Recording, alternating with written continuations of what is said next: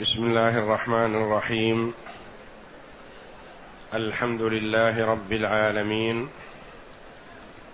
والصلاة والسلام على نبينا محمد وعلى آله وصحبه أجمعين. وبعد. أعوذ بالله من الشيطان الرجيم. ولقد خلقنا الإنسان من سلالة من طين. ثم جعلناه نطفة في قرار مكين. ثم خلقنا النطفة علقة فخلقنا العلقة مضغة فخلقنا المضغة عظاما. فخلقنا المضغة عظاما فكسونا العظام لحما. ثم أنشأناه خلقا آخر. فتبارك الله أحسن الخالقين. هذه الآيات الكريمة جاءت بعد قوله جل وعلا قد أفلح المؤمنون الذين هم في صلاتهم خاشعون إلى قوله جل وعلا أولئك هم الوارثون الذين يرثون الفردوس هم فيها خالدون. جاء بعدها ولقد خلقنا الإنسان من سلالة من طين. ما المناسبة بين هذه الآيات والتي قبلها؟ ولقد خلقنا الإنسان من سلالة من طين.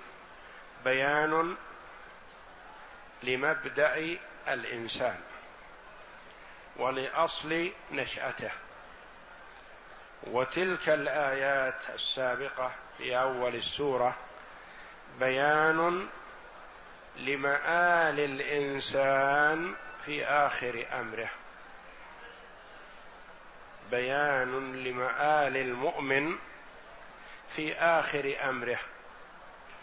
وهذه الآيات في مبدئه. وفي هذه الآيات وما بعدها دلالة واضحة على قدرة الله جل وعلا.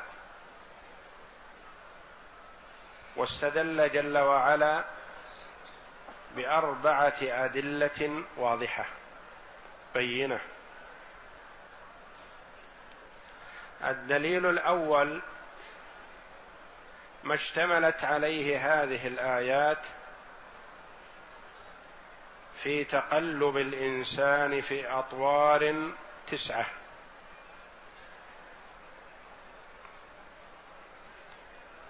في تقلب الإنسان في أطوار تسعة. وهذه التسعة هي قوله جل وعلا واضحة في قوله تعالى ولقد خلقنا الإنسان من سلالة من طين. هذه الأولى الحال الأولى. ثم جعلناه نطفة في قرار مكين. هذه الحال الثانية. ثم خلقنا النطفة علقة. فخلقنا العلقة مضغة هذه الرابعة. فخلقنا المضغة عظاما هذه الخامسة. فكسونا العظام لحما هذه السادسة. ثم أنشأناه خلقا آخر. هذه الحال السابعة. فتبارك الله أحسن الخالقين. ثم إنكم بعد ذلك لميتون. هذه الحال الثامنة. ثم إنكم يوم القيامة تبعثون. هذه الحال التاسعة. الاستدلال الأول بتقلب الإنسان في أطوار متعددة وهي تسعة أطوار. مبدأها قوله جل وعلا ولقد خلقنا الإنسان من سلالة من طين ونهايتها بقوله جل وعلا ثم إنكم يوم القيامة تبعثون. إذا نظرت إليها وعادتها وجدتها تسعة أطوار واضحة بينة. من الخالق؟ من الموجد على هذه الصفة؟ من المنقل الإنسان من طور إلى طور؟ هو الله جل وعلا. الاستدلال الثاني خلق السماوات بقوله ولقد خلقنا فوقكم سبع طرائق وهذه ستأتي فيما بعد إن شاء الله. الدليل الثالث قوله جل وعلا وأنزلنا من السماء ماء بقدر فأسكناه في الأرض وإنا على ذهاب به لقادرون وما ترتب على إنزال هذا الماء.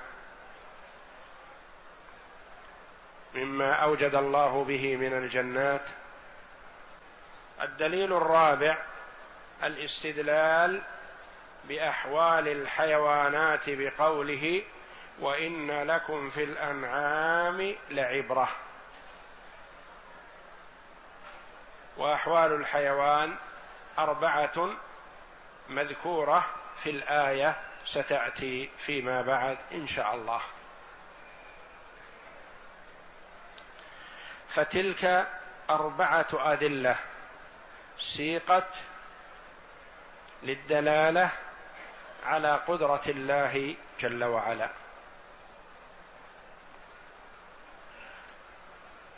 الدليل الأول خلق الإنسان وتقلبه في أحوال. ما هذه الأحوال؟ اولا قوله جل وعلا ولقد خلقنا الإنسان من سلالة من طين. ولقد اللام هذه موطئة للقسم. والواو للقسم. والله لقد خلقنا الإنسان من سلالة من طين. ما المراد بالإنسان؟ الجنس يصح ذلك.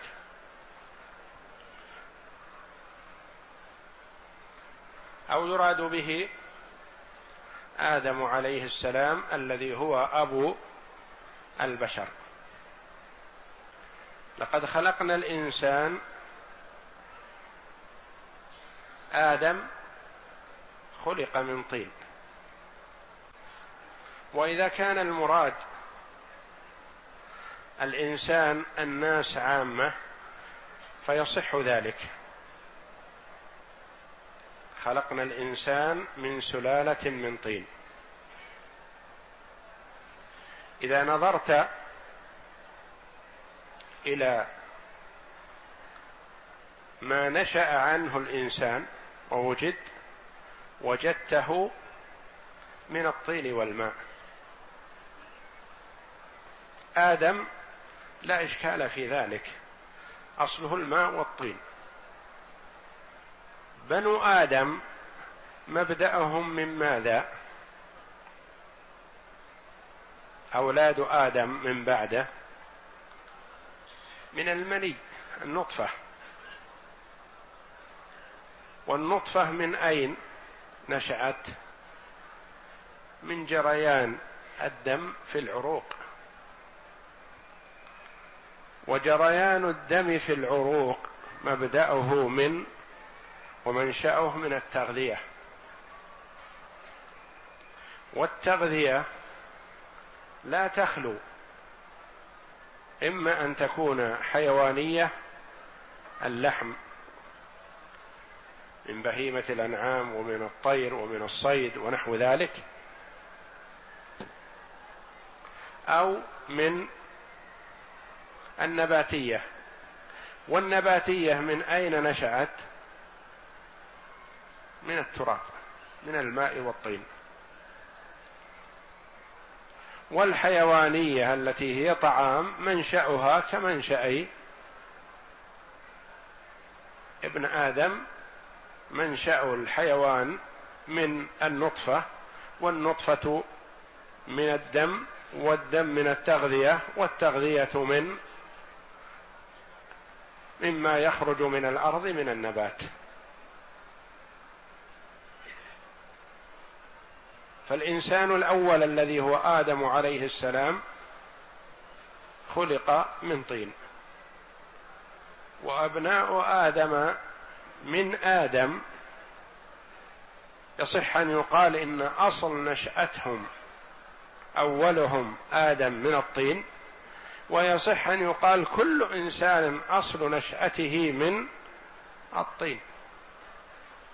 والسلالة هي استخراج الشيء من الشيء أو خلاصة شيء من شيء. فخلاصة يعني آدم خلق من خلاصة من طين. والخلاصة هي ما يسل من الشيء ويستخرج منه. وقدرها بعض السلف قال إذا أخذت الطين بيدك بكفك وعصرته فما يخرج من بين أصابعك هذا السلالة. وكما يقال خلاصة الشيء كالزبد من اللبن. يستخرج منه وهو خلاصة اللبن. من سلالة من طين من هنا بيانية. وورد أن آدم عليه السلام خلق من مجموع الأرض فخرجت ذريته على نحو ذلك. والأرض فيها الصلبة والسهلة وفيها الأرض الطيبة وفيها الأرض الخبيثة. وكذلك بنو آدم خرجوا كذلك منهم الطيب وهم الأنبياء والرسل وخيار الخلق ومنهم الكفار والفجار ومنهم الأبيض والأسود والأحمر ومنهم من هو في منتهى الطيب الممكن لبني آدم ومنهم من هو في منتهى الشر والخبث الممكن لبني آدم ومنهم من هو بين ذلك. ثم جعلناه نطفة في قرار مكين. ثم جعلناه نطفة. النطفة تقدم الكلام عليها في سورة الحج في أولها والمراد قطرة ونقطة من ماء وكما في آية أخرى من ماء مهين وهو المني. في قرار مكين المراد به الرحم وهو المكان الذي هيأه الله جل وعلا لهذه النطفة محفوظة فيه تعيش فيه بقدرة الله جل وعلا حتى تبلغ نهاية أطوارها في الرحم فتخرج بإذنه جل وعلا. ثم جعلناه نطفة في قرار مكين ثم خلقنا النطفة علقة. أولها نطفة قطرة من الماء الأبيض المني. ثم يصير الله جل وعلا ويقدرها علقة وهي القطعة اليسيرة من الدم شبهت بالعلقة بعلقة الماء المستطيلة الضعيفة تنقلب النطفة الماء الأبيض بقدرته تعالى إلى أن يكون علقة قطعة دم أحمر. ثم خلقنا النطفة علقة فخلقنا العلقة مضغة. فكون الله جل وعلا العلقة التي هي قطعة الدم كونها مضغة أي قطعة لحم بقدر ما يمضغ ما يؤكل في الفم. لحمة صغيرة. فخلقنا المضغة عظاما.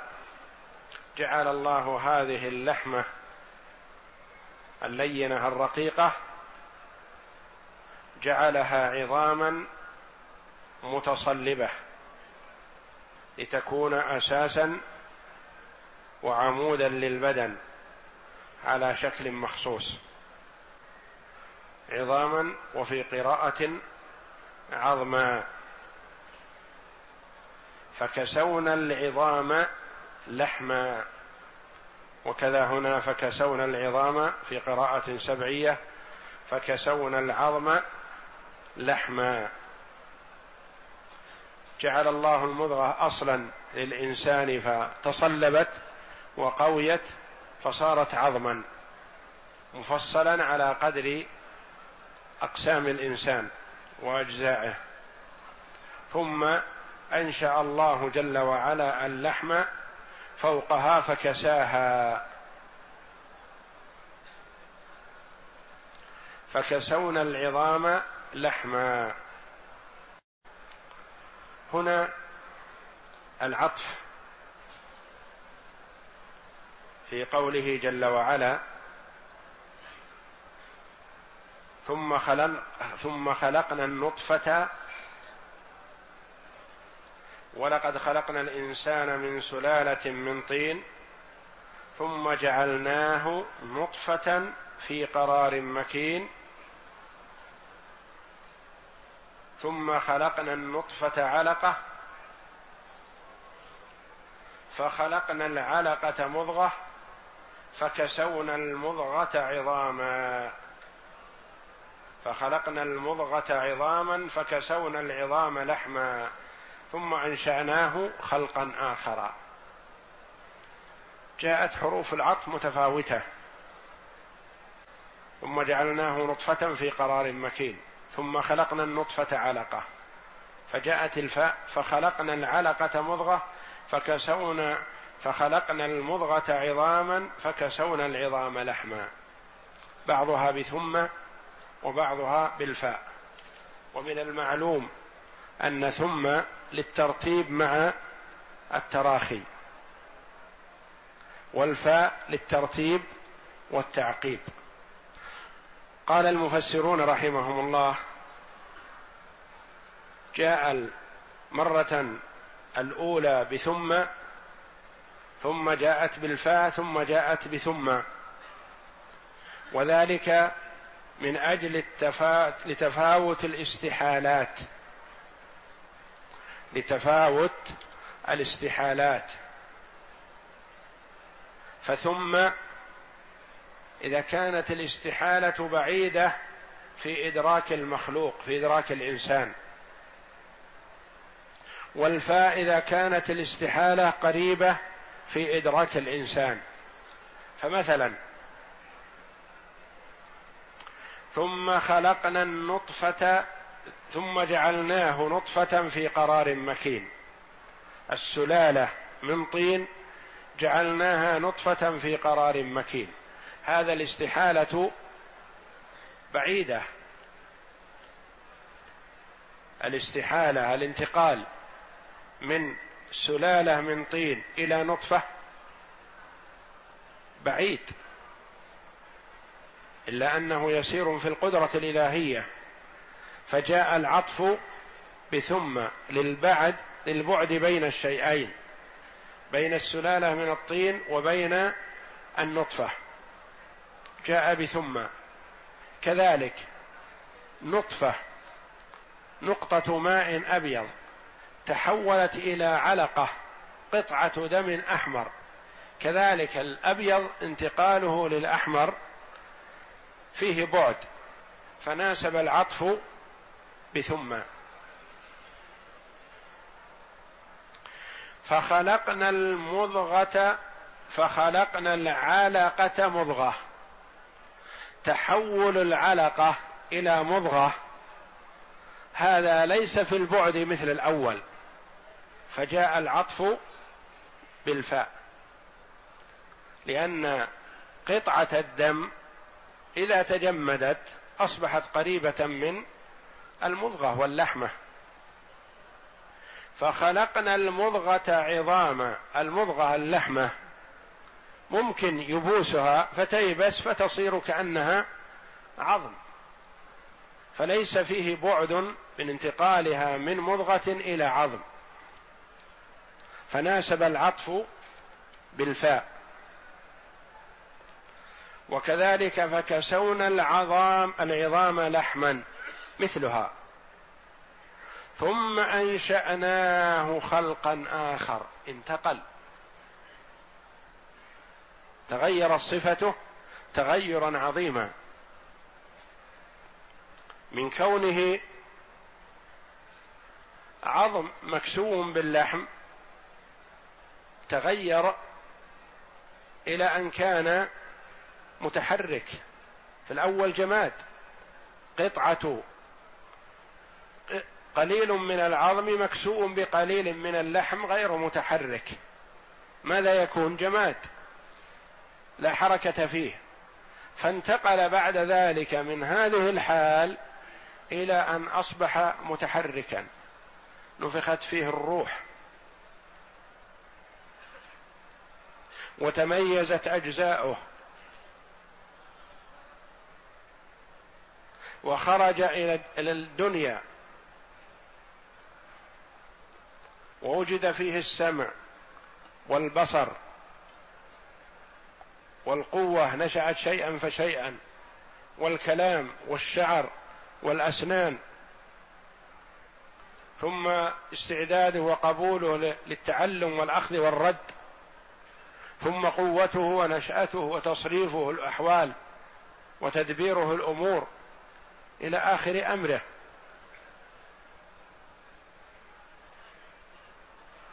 ثم أنشأناه خلقا آخر.